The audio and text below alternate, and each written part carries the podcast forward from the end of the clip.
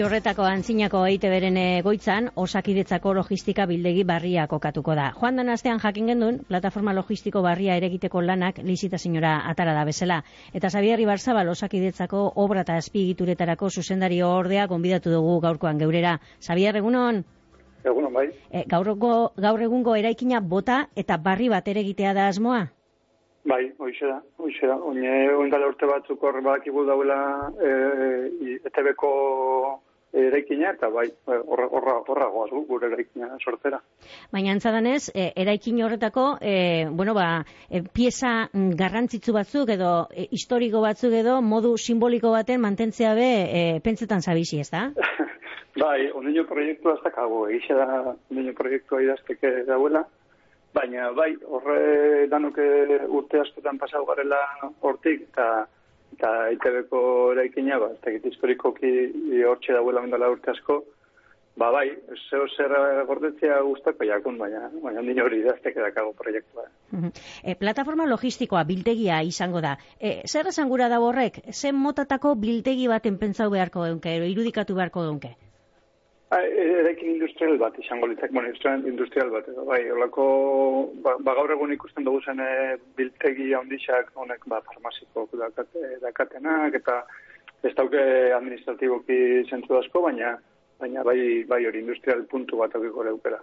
Xavier, hogei urte baino gehi pasau dira, EITB-koak jurretatik eh, samamesera, Bilbora pasau ziranetik, imaginetan dut, osakidetzako bildegi barri horian eh, sortzeko helburua ba, markau duenean, eraikina barrutik ikustera joango ziniela, orain dala ez asko, e, zelan dau, bai. eraikin hori barrutik, kanpotik ikusten da, ba, adrailua jauzite, e, persianak eta lehioak be, bai. erdia barrutik zelan dau?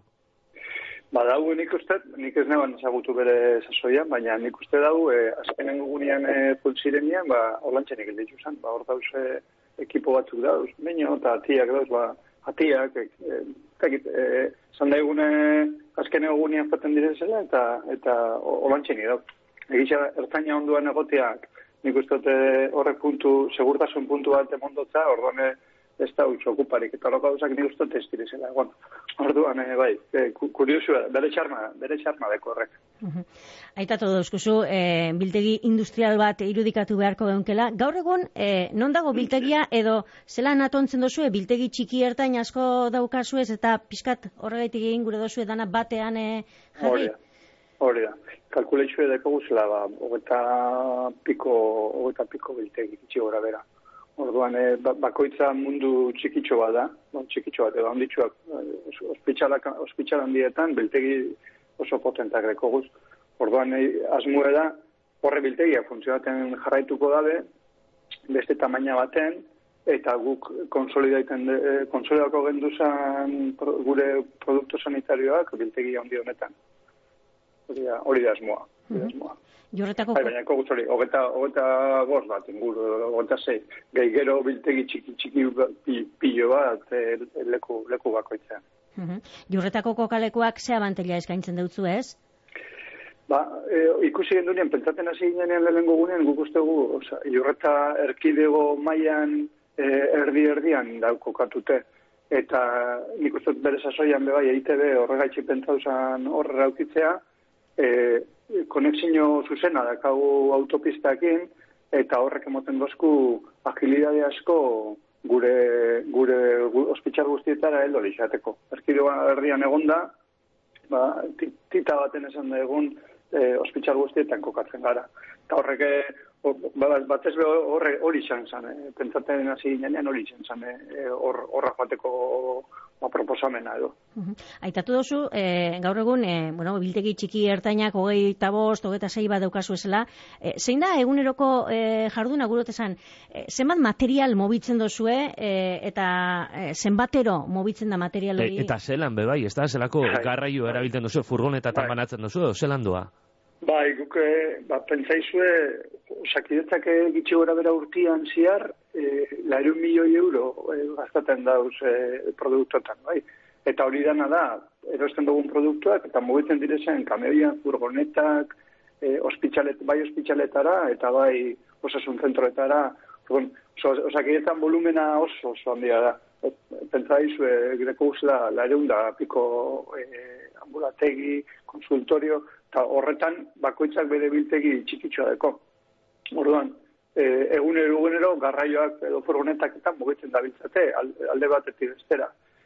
E, eskarietan, eske zenbakiak apotxoetan ditxo adi, hori, eskarietan ditxo gara bera, pa pentsa iru milioi edo iten dugu, iru milioi eskari iten dugu zela urtian zian.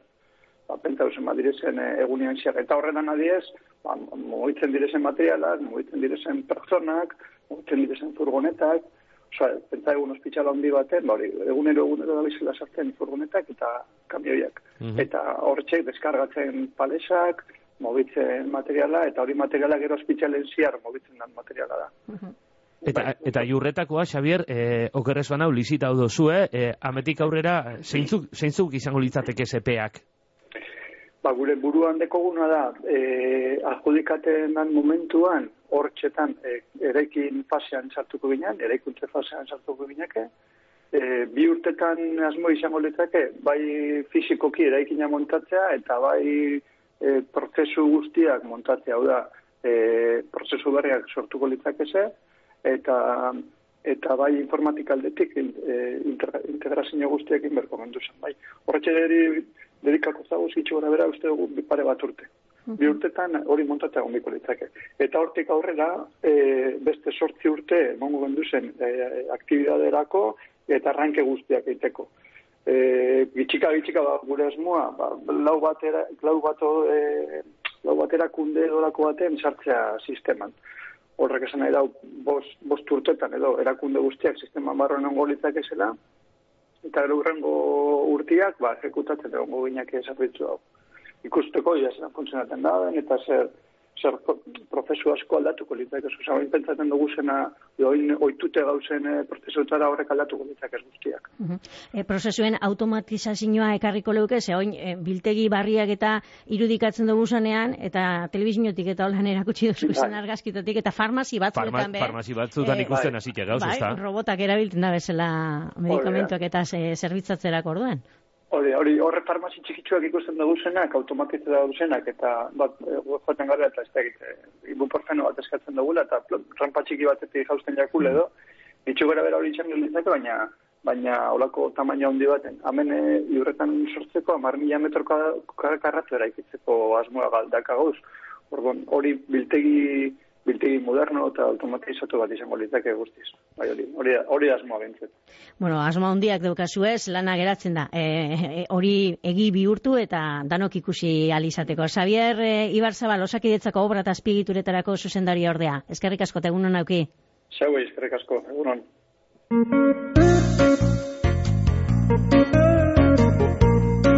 Bizkaia irratia, ur urrekoa.